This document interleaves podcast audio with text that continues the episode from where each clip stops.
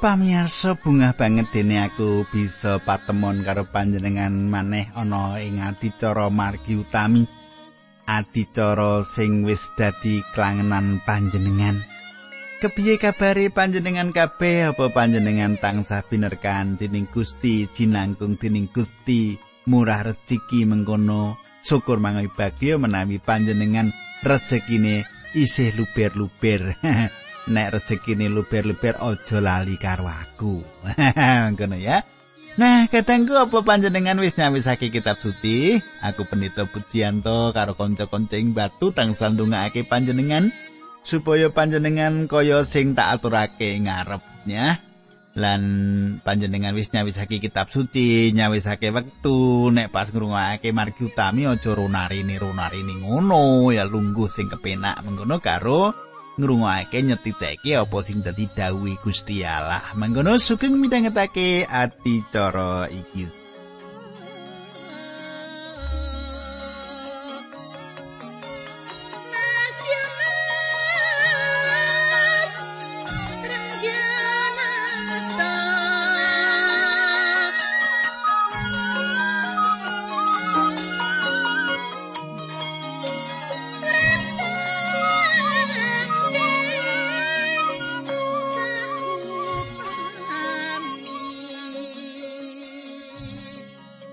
Sumitraku kaya padatani kita bakal ngaturi pungkasane adicara kepungkur yaiku ngenani wewelak sing kaping 10 dening Allah kang katujake marang bangsa Mesir.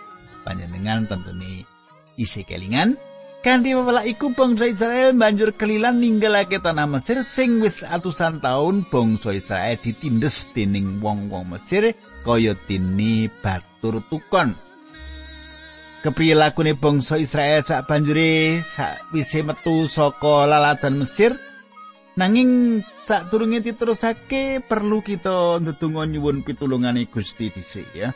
Aku ngaturake salam karo Bapak Paulus Istrianto ya wah Bapak Benito Paulus Istrianto kang setya tuhu midhangetake adicara karo kelompok pendengar nggih Kados pundi Pak? Saya-saya to wah matur nuwun oleh-oleh panjenengan. Nih, aku wis tau sowan Pak Paulus iki ya. Nah, katengku monggo kita ndedonga. Duh Kanjeng Rama ing swarga kawula ngaturaken kenging panuwun ingkang tanpa upami dening wekdal menika kawula saged tetunggilan keadaan sedherek kawula ingkang setya midhangetaken adicara menika. Kathah berkah saking adicara menika ingkang dipun tampi sederek-sederek kawula Gusti, kawula ndongaaken Bapak Paul Istriati supados Gusti berkahi peladosanipun ibu ingkang lados yugi. Kawula nyuwun Gusti berkahi nuntuni sedaya sederek kawula. Linambaran asmanipun Gusti Yesus Kristus kawula netunggal. Haleluya. Amin.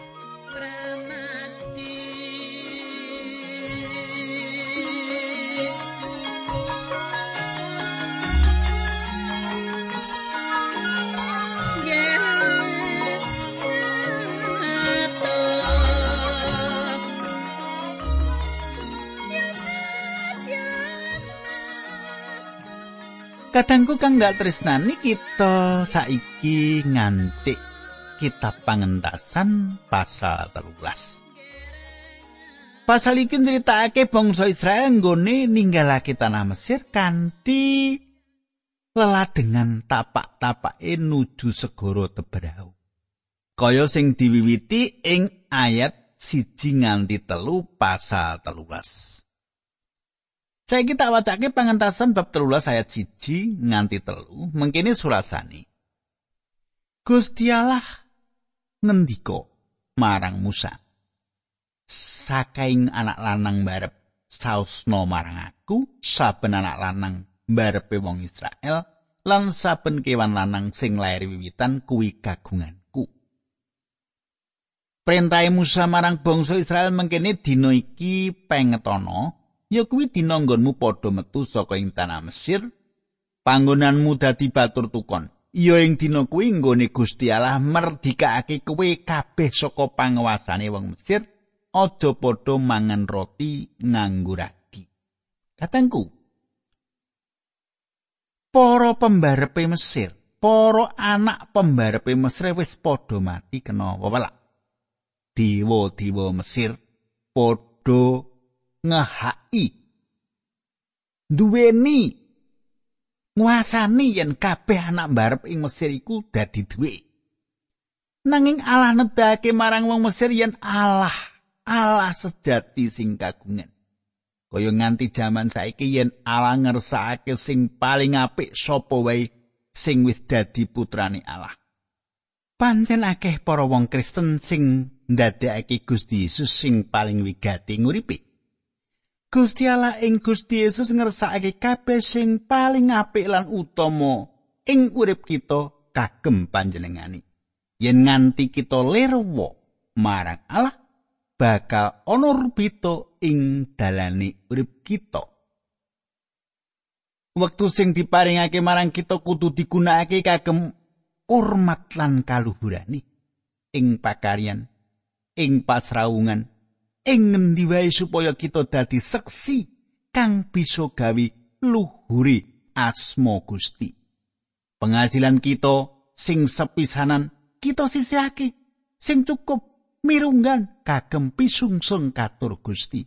Pancen Allah ora janjekake yen kita bakal dadi wong sing sugih mrewu nanging panjenengane dawuh yen bakal nggatekake wong sing setya tuhu marang panjenengane Lagi wae bangsa Israel ninggalake tanah Mesir sawise mah taun-taun dadi batur tukone Mesir, ditindes lan dadi aniaya kanthi nyambut gawe abot.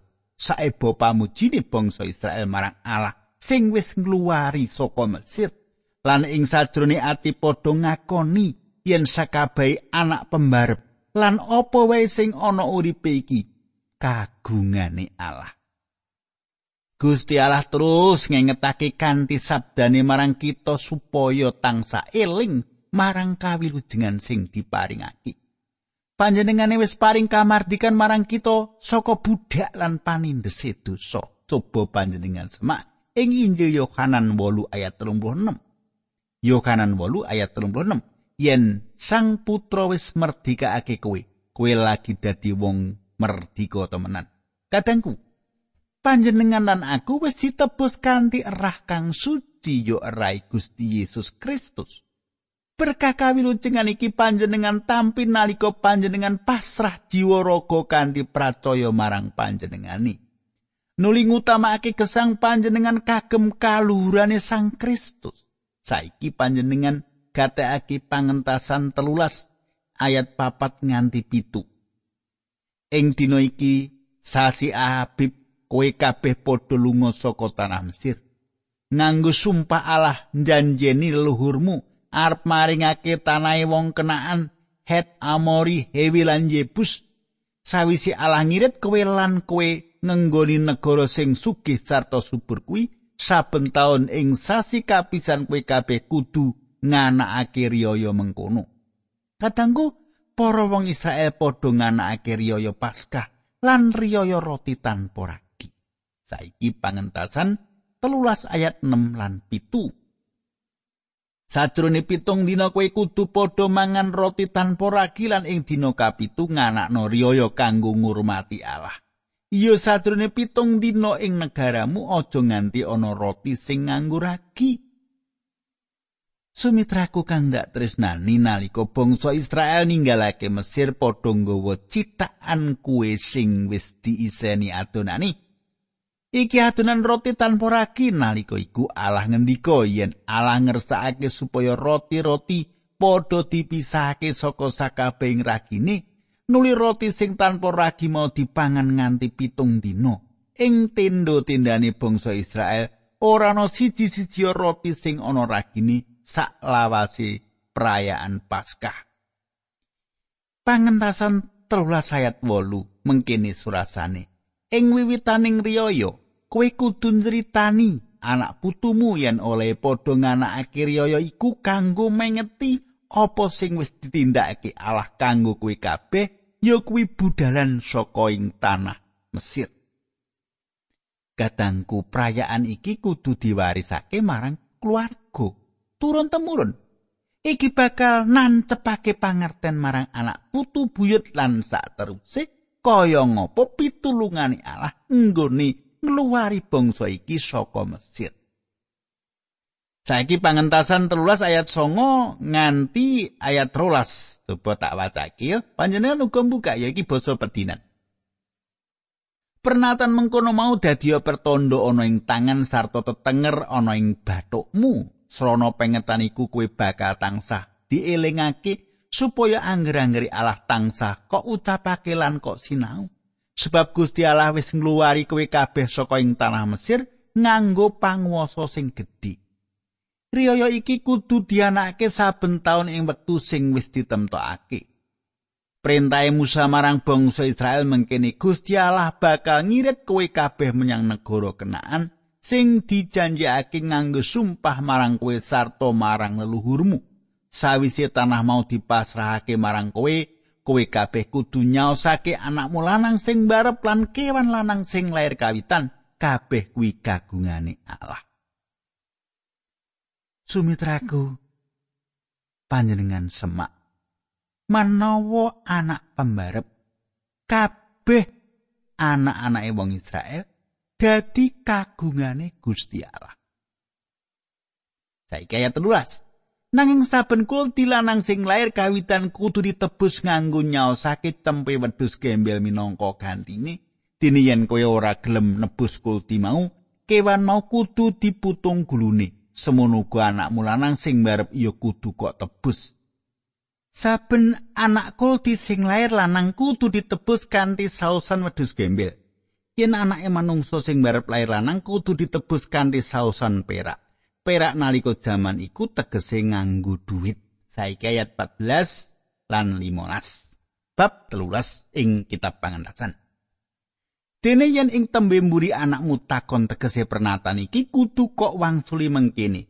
Kanthi panguwasa kang gedhe Gusti Allah ngirit kita metu saka ing tanah Mesir, kuwi panggonan kita dadi batur tukon. Nalika sang pringon mangkotake penggali sarta orang lilani kita padha lunga saka ing Mesir, Gusti Allah mejahi saben anak lanang pembarep ya manungsa ya kewan. Ya kuwi sebabe kita saos kurban marang Allah wujud kewan lanang sing lair kawitan. Nanging kudu nebus anak mbarep kita. Kadangku upacara iki kanggo mengeti kabecikane Allah sing luwari saka negara Mesir. Kanggo kita pangluaran iku bisa dipetik saka siji Petrus bab siji ayat 18 nganti ayat 19 coba panjenengan wacaya lan panjenengan semak tak wacake siji Petrus siji ayat 12 lan 19. Sebab kowe padha sumurup apa sing kanggo nebus uripmu sing tanpa guna, sing kok warisi saka leluhurmu dudu barang sing bisa rusak uga dudu sloka utawa emas. Nanging srana kurban sing pengaji banget ya kuwi Sang Kristus piyambak, kaya dene wedhus sing tanpa cacat lan mulus. Saiki panjenengan semak pangentasan 13 ayat 16 tekan pitulas tak waca iki. Srana mengkono pernatan mau ngilingake marang kita dadi pretondo ana ing tangan lan ing bathuk kita kang tansah ngilingake marang kita yen Allah ngentasake kita saka ing tanah Mesir ngagem panguwasa gedhe. Nalika bangsa Israel dililani lunga dening sang pringon, Allah nggone ngirit ora metu pesisir nuju negara Filistia. Senajan dalan iku luwih cedhak, Gusti Allah menggalih bangsa iki menawa kecowan atine aja nganti banjur bali menyang tanah Mesir. yaiku semongso ngerti yen dhewekne kudu perang. Katangku, bangsa Israel lagi wae wal saka panindes lan pancene durung siap kanggo mlebu palagan, mlebu ing paperangan. Dalan sing paling cedhak tekan tanah perjanjian sing diparingake dening Allah kudu ngliwati dalan ing pesisir. Nalika perang 6 dina taun 1907 ing Palestina tentara Israel langsung tumuju menyang pesisir lan langsung adu arep karo prajurit Mesir. Mesti wae Israel wis siaga kanthi tang lan motor mabur pemburu. Bangsa Israel wis siaga ngadepi mungsuh nanging nalika luar saka tanah Mesir, nalika semono Israel durung siap apa-apa. Mula Allah mberek dhisik bangsa iki menyang ora-ora samun dhisik. Dalan iki pancen luwih adoh tur rekoso banget Beda karo dalan sing sak mesini. Allah ngersake bangsa Israel supaya latihan dhisik supaya ngadepi peperangan bisa nahan mungsuh lan ora kalah. Nggone nyabrangi ora samun mau nganti patang puluh taunan ing pamirsane Allah bangsa Israel lagi mapan lan bisa siaga ngadepi mungsuh. Wektune patang puluh taun. Apa maneh wis trampil ing peperangan dan bisa nggunakake kegaman. Pancen ana sing duweni panemu, kena apa Allah ora mbebasake kanthi pangeram-eram saka kuasane Allah? Pancen iku ya bisa. Nanging Allah kagungan rencana tumrap bangsa iki. Kita wong percaya, wong Kristen uga ana sing duweni panyuwun supaya saben dina Allah gawe pangeram-eram tumrape urip.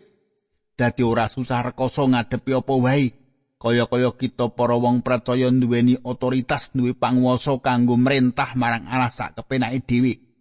Ora usah diatak-atak, ora usah diokon-okon.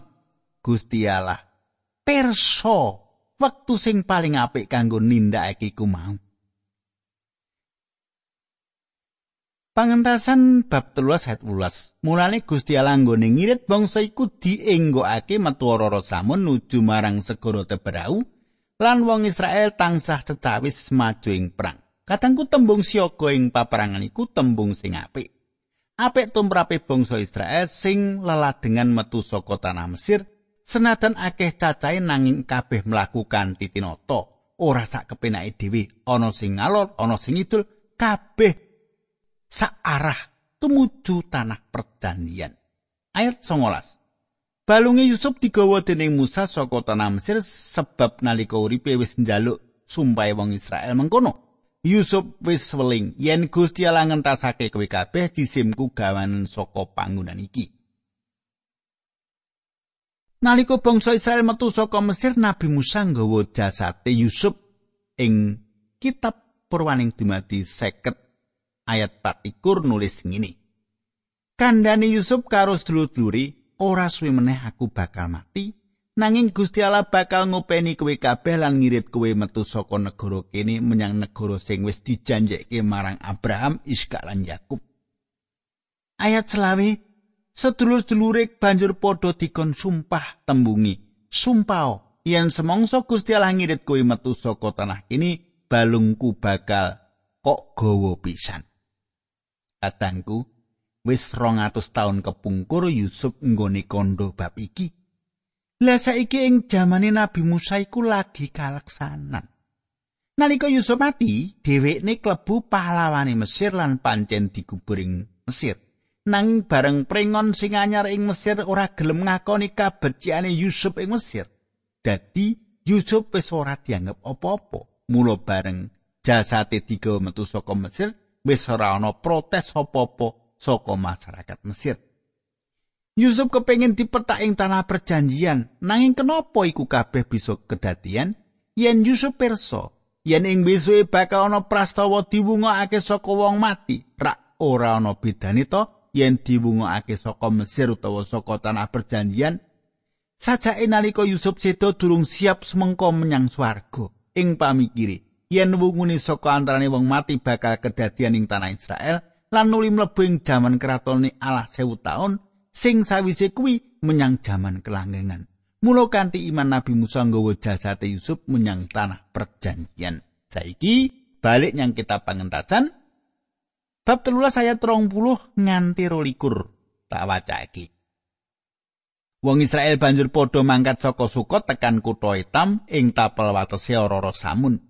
Gusti Allah tindak ana ing ngarepe ing wayah awan ana ing tugu mega dene ing wayah bengi ana tugu geni kanggo nuntun lakune. Mulane wong-wong mau awan bengi bisa nerusake lakune. Sedina muput tugu mega mau ana ing ngarepe lan sawengi natas tugu geni ngirit bangsa mau. Sumitraku. Bangsa Israel wis mlebu tratah ora-ora samun padang pasir. Hawane panas banget prasasat kaya mlaku ing sak nduring mawa Mula Nabi Musa ngandhake yen padang pasir iki panas ngidapi-dapi lan gegirisi. Wong Israel nalika ngliwati kahanan sing hebat mau kulite ora geseng jalaran kepanasan. Iki kabeh jalaran Allah maringi tugu mega mayungi ing wayah awan lan tuku geni madangi ing wayah bengi. Coba panjenengan buka Roma songo ayat papat. Roma songo ayat papat. Wong-wong kuwi umat pilihane Gusti Allah. Wong-wong mau padha diangkat dadi para putrani Gusti Allah piyambak lan padha di paringi kamulyan. Gusti Allah wis damel perjanjian karo wong-wong mau sarta padha diparingi Torat. Wong-wong mau padha ngerti bab patrape ngabekti marang Gusti Allah lan padha diparingi prastian-prastian dening Gusti Allah. Kadangku kamulyane Allah katon ing pangrengkuhi Allah marang bangsa iki. Senajan gereja padha ora tau ngatonake rawe Allah kaya pangersane Allah marang Israel.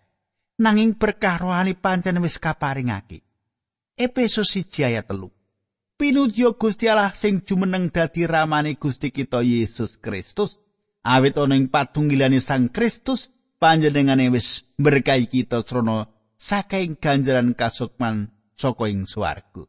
Datangku bangsa Israel paningal batine padha manteng mengarep ngenteni rawe Sang Kristus. Nanging kita padha ndeleng prastawa mau kabeh kaya dene bukti anane sejarah sing wis kelakon. Kita ora merlokake Allah kanthi kasat mripat ing nalikane nglakoni urip iki. Nanging bangsa Israel padha merlokake kamulyane Allah bebarengan ing lakune. Jalaran nalika iku Allah durung paring panebusan. Allah nyiagake bangsa iki kanggo tahan nandang kasangsaran lan wilujeng liwati padang pasir ora samun lan bisa tekan tanah perjanjian kanthi selamat. Ing pasal 14 iki, pangentasan bab 14 ayat 1 loro mangkene surasane Gusti Allah banjur ngendika marang Musa, wong Israel perintahano bali meneh nganti tekan ning ngarepe kutha Pihahirot antarané kutha Migdol lan segara Tebrau cedhake kutha Baal Sifon lerena ana ing kono. Kadangku nganti saiki durung bisa nemtokake panggonan sing persis panggonan-panggonan mau. Nanging sing mesti yen dumunung ana ing antarane Bengawan Nil lan Segara Tabrau. Ayat telu. Sang pringon bakal ngira yen wong Israel kesasar lakune lan padha kepepetan dening ora-ora samun. Katangku, pringon ngira yen bangsa Israel bakal mlaku ngliwati pesisir ngliwati tratah Palestina. Nalika padha tumuju padang pasir, padha ngira yen bangsa Israel kesasar, ora ngerti arah. Jararan dianggep kesasar nuli pringon arep mburu kanthi ngetok kekuatan supaya bisa ngiring bali bangsa Israel. Iki sawijining bukti yen nalika ngluwari bangsa Israel atine pringon isih tido-tido. Panjaning kini Allah nyatakake yen nggone ngajar pringon durung rampung. Ayat papat, aku bakal mangkotake atine. Temah bakal nututi kuwi. Ing kono aku bakal numpes sang pringon sak balani. Srana lakon mau wong-wong bakal ngluhurake aku lan wong Mesir bakal weruh yen aku iki Allah. Wong Israel padha nindakake dawuhe Allah mau. Katangku senajan kanthi wewelak sing matumpo-tumpo, pancene Mesir wis katok nggone nandang kasangsaran nalika nglawan Allah. Nanging isih ana meneh ajaran sing kudu ditampani dening prengon lan banjur padha ngerti yen Allah ora bisa ditandingi. Kadangku semene dhisik aturku muga panjenengan kaberkaning karo hanen panjenengan monggo kita ndedonga dhisik sadurunge mungkasi ati cara iki. Duh, Romo kasuwarken. Kawula pasrahaken sedaya menika wonten ing asta paduka matur nuwun kayektosan kayektosan bilih paduka menika maha kuwasa saged kawula gatosaken saking waosan-waosan lan pasinon kawula ing kitab pangantasan menika. Dinambaran asmanipun Gusti Yesus kawula dung. Haleluya. Amin.